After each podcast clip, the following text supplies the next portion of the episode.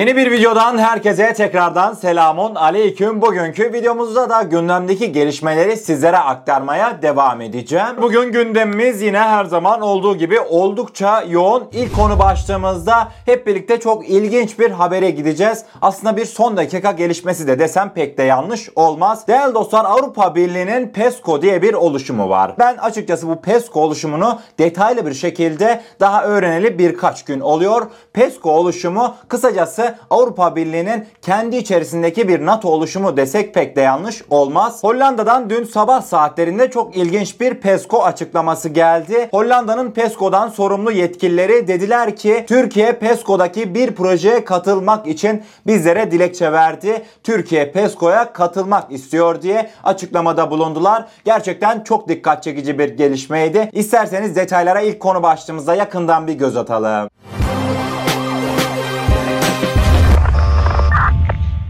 Hollanda Türkiye'nin PESCO savunma anlaşması çerçevesinde yürütülen bir projeye katılmak istediğini teyit etti. Türkiye'nin katılmak istediği proje askeri personelin ve askeri teçhizatın Avrupa içinde ve dışında hızlı bir şekilde taşınmasını öngörmekte. Hollanda Savunma Bakanlığı'nın açıklamasında Türkiye dışında yine NATO üyesi ABD, Kanada ve Norveç'in de projeye katılmak için başvurduğu ve bu ülkelerin başvurularının oy birliğiyle kabul edildiği belirtildi. Ankara'nın katılım talebinin Avrupa Birliği üyesi ülkelerin tamamı tarafından onaylanması gerekmekte. Ancak Yunanistan ve Güney Kıbrıs'ın Türkiye ile yakın işbirliğine Akdeniz'deki doğal gaz arama faaliyetleri veya Kıbrıs meselesi nedeniyle sıcak bakmayacakları belirtilmekte. NATO üyesi Türkiye'nin başvurusunun reddedilmesinin ise Ankara tarafından hakaret olarak anlaşılabileceği endişesi de PESCO yetkilileri tarafından duyuruldu. Yunanistan'ın Türkiye'yi şikayet ettiği tüm platformlarda Türkiye belli bir söz hakkına sahip olmak istiyor. Bundan dolayı Türkiye PESCO'ya da girmek istiyor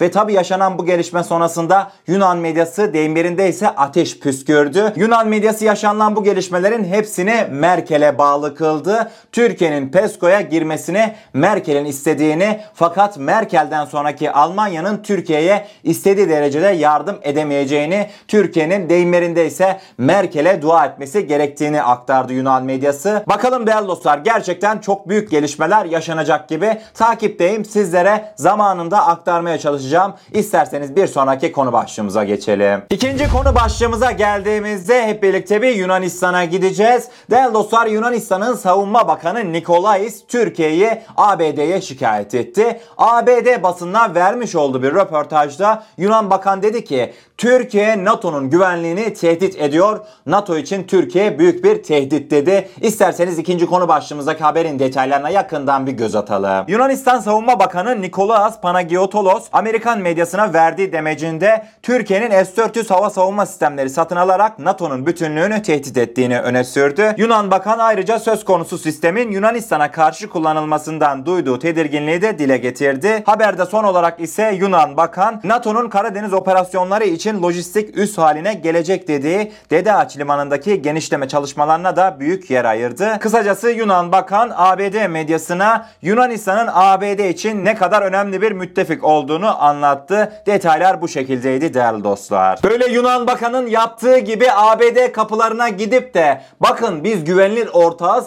bizden daha iyi bir stratejik seçeneğiniz olamaz diye açıklama yaparak olmaz bu işler. Sahada gerekeni yaparsın ondan sonra ABD der ki Yunanistan mı bizim için daha iyi bir ortak ya da Türkiye mi daha iyi bir ortak diye kendisi karar verir. Öyle adamların ayağına gidip de ben Türkiye'den daha iyiyim demekle bu işler olmaz diyorum ve Üçüncü konu başlığımıza yavaştan geçmek istiyorum. Değerli dostlar üçüncü konu başlığımıza geldiğimizde de Yunan medyasındayız. Fakat videomuzun başından da göreceğiniz üzere gerçekten çok önemli bir gelişmeyi sizlere aktaracağım. Değerli dostlar hatırlarsınız sizlere uzunca bir süredir aslında Yunanistan'ın İsrail'in geliştirmiş olduğu demir kubbe hava savunma sistemini almak istediği şeklindeki haberleri aktarmaktaydım. İşte Yunan medyası da son haberinde bu gelişmelere yer verdi. Fakat çok dikkat çekici bazı açıklamalarda da hatta itiraflarda da bulundular. Yunan medyası dedi ki tamam İsrail demir kubbeyi geliştirmiş ve kendi söylediğine göre başarılı olmuş olabilir.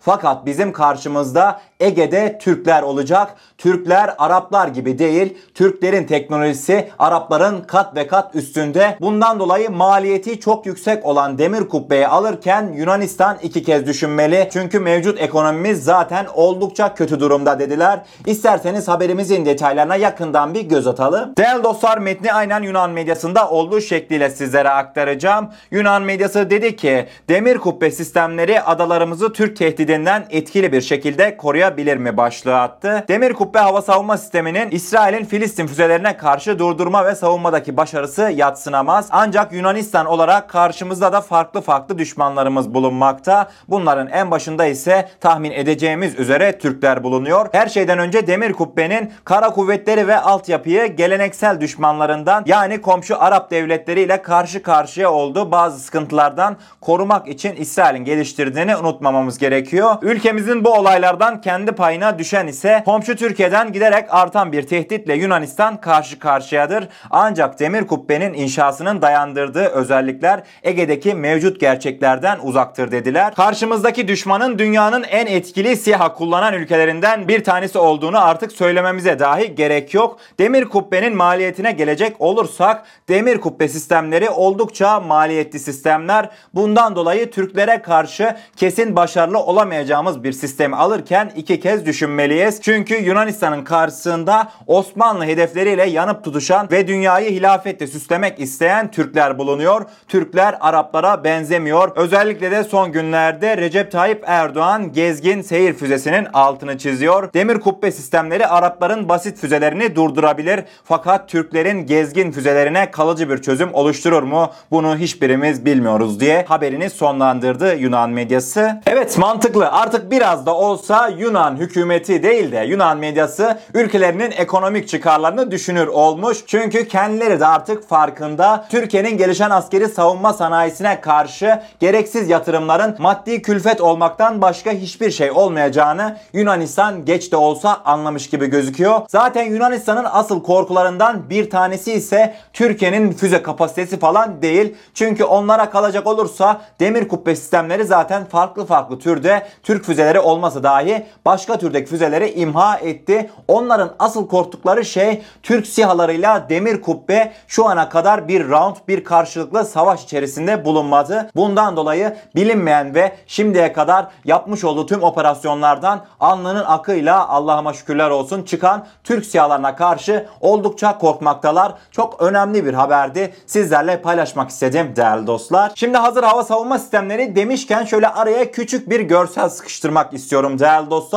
Sosyal medyada gezerken Türk hava savunma sistemlerinin Türkiye'nin hava savunma sistemi haritasının 2023 yılında nasıl olacağına dair tahmin edilebilir bir görsel buldum. Gerçekten oldukça hoşuma gitti. İsterseniz bir karşımıza gelsin görsel. 2023 yılında nasıl bir hava savunma sistemi yapımız olacak yakından göz atalım. Değerli dostlar görmüş olacağınız üzere yerli hava savunma sistemlerimiz ve S-400'lerin menzilleri Türkiye haritası üzerinde oldukça anlaşılır bir şekilde işaretlenmiş. Görmüş olacağınız üzere Ege bölgesinden başlayarak Hisar A, Hisar O, Hisar Ara Ürün ve Hisar U ve son olarak ise 2023 yılında tamamlanması planlanan siper sistemlerinin etkili menzilleri bu şekilde gösterilmiş. Son olarak ise Ruslardan almış olduğumuz S-400 sistemlerinin menzilleri bu şekilde. Benim burada dikkatimi çeken siper oldu. Çünkü eğer ki 2023 yılına kadar siper kadar geniş yarı çapına sahip hava savunma sistemi üretebilirsek emin olun ki kendi milli üretimimiz olduğundan dolayı kaç adet ürettiğimizin de bir sınırı olmayacaktır. İnşallah ülkemizin her bir yanını siper olsun, Hisar sistemleri olsun. Son olarak ise destekleyici unsur olarak S-400 sistemleriyle donatacağız ve Türkiye'nin hava savunma sistemi ihtiyacı büyük ölçüde giderilmiş olacak. Sizlerle paylaşmak istedim. İsterseniz bir sonraki konu başlığımıza geçelim. Değerli dostlar dördüncü konu başlığımıza geldiğimizde beni her adı geçtiğinde güldüren bir isme uzanacağız. Tahminleriniz evet biraz doğru gibi. Nikol Paşinyan'a gideceğiz. Ermenistan'ın başbakanı Nikol Paşinyan son dönemde Karabağ'da yaşanan olaylara ilişkin çok ilginç ve bir o kadar da komik bir açıklamada bulundu. Paşinyan dün yapmış olduğu basın toplantısında ne dedi biliyor musunuz değerli dostlar? Karabağ'da yaşanılan gelişmeleri kriz olarak değerlendiriyorum. Allah Allah yani Paşinyan yaşanılan gelişmeleri kriz olarak değerlendirmiş. Biz de orada bayram var sanıyorduk. İsterseniz haberimizin detaylarına yakından bir göz atalım. Ermenistan Güvenlik Konseyi'nin toplantısında konuşan Nikol Paşinyan, Ermenistan ve Azerbaycan'ın askeri temsilcileri arasında gelişen durumun çözümüne ilişkin görüşmelerin 19 Mayıs'ta devam edeceğini söyledi. Paşinyan görüşmeler dün gece geç saatlere kadar devam etti. Çarşamba günü devam edecek. Görüşmelerin gündeminde tek bir konu var. Azerbaycan Silahlı Kuvvetleri'nin Ermenistan topraklarından çekilmesi. Bu gerçekleşene kadar durumu Ermenistan'ın egemenliğine, istikrarına ve toprak bütünlüğüne tehdit oluşturan bir kriz olarak değerlendiriyoruz diye konuştu. Değerli dostlar duydunuz mu? Karabağ'da kriz varmış. Paşinyan'ın bu söylemleriyle birlikte Karabağ'daki durumu teyit etmiş olduk. Yani gerçekten de Karabağ'da sanki yavaştan 3. Karabağ Savaşı yolda gibi yaşanılacak gelişmeleri takipte olacağım. Fakat şunu diyebilirim ki özellikle de Türkiye ve Azerbaycan arasındaki Zengezur koridorunun açılmasıyla alakalı Azerbaycan ordusunun yoğun çabaları mevcut.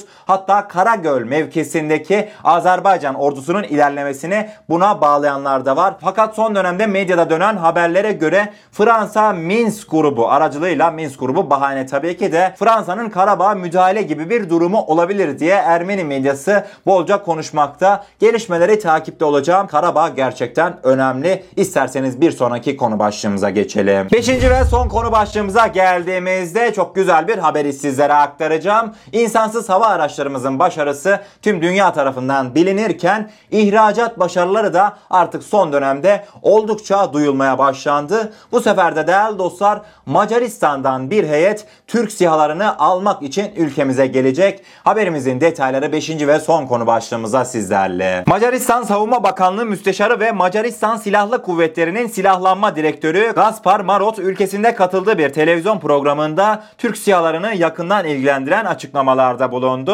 Türk medyasının haberine göre Macaristan'ın 2018'den bu yana İHA stratejisine sahip olduğunu ve tedarik için insansız hava araçları pazarını yakından takip ettiğini söyleyen Marot, birkaç Türk tedarikçi değerlendirildi ve bir grup uzman ekipmanı test etmek için bu hafta Türkiye'ye uzun bir dizi ziyarette bulunacak dedi. Türkiye üretimi hangi İHA'nın tedarik edilebileceğine dair soruya net bir yanıt vermeyen Marot, bu hangi insansız hava araçlarının en iyi kabiliyete sahip olduğuna ve üretim konusunda da bir anlaşmaya varılıp varılmayacağına bağlı olacak diye ekledi. Ben size Macaristan'ın alabileceği 3 ihtimali söyleyeyim. Birincisi tabii ki de hepimizin tahmin edeceği üzere Bayraktar TB2. Hemen devamında ise Aksungur. Üçüncü ihtimal ise Anka olacak. Değerli dostlar gerçekten güzel bir gelişmeydi. Özellikle de Türkiye'nin Macaristan'a oldukça destek vermesi gerekmekte. Bunun sebebi ise Macaristan Avrupa Birliği'nde olduğundan dolayı bizim için Avrupa Birliği'ni aralayan bir kapı olarak da değerlendirilebilir. Gerçekten önemli bir gelişmeydi. Sizlerle paylaşmak istedim. Evet değerli dostlar bugünkü gelişmeleri sizlere aktardım. Umarım doğru bir şekilde haberleri anlatabilmişimdir. Eğer kanalımıza ilk defa gelmekteyseniz kanalımıza abone olarak bizlere destek olabilirsiniz. Videomuzu gerçekten beğenmişseniz, beğenirseniz çok mutlu oluruz diyorum ve kendinize çok iyi bakın. Allah'a emanet olun. Her şey istediğiniz gibi olsun. Sağlıcakla.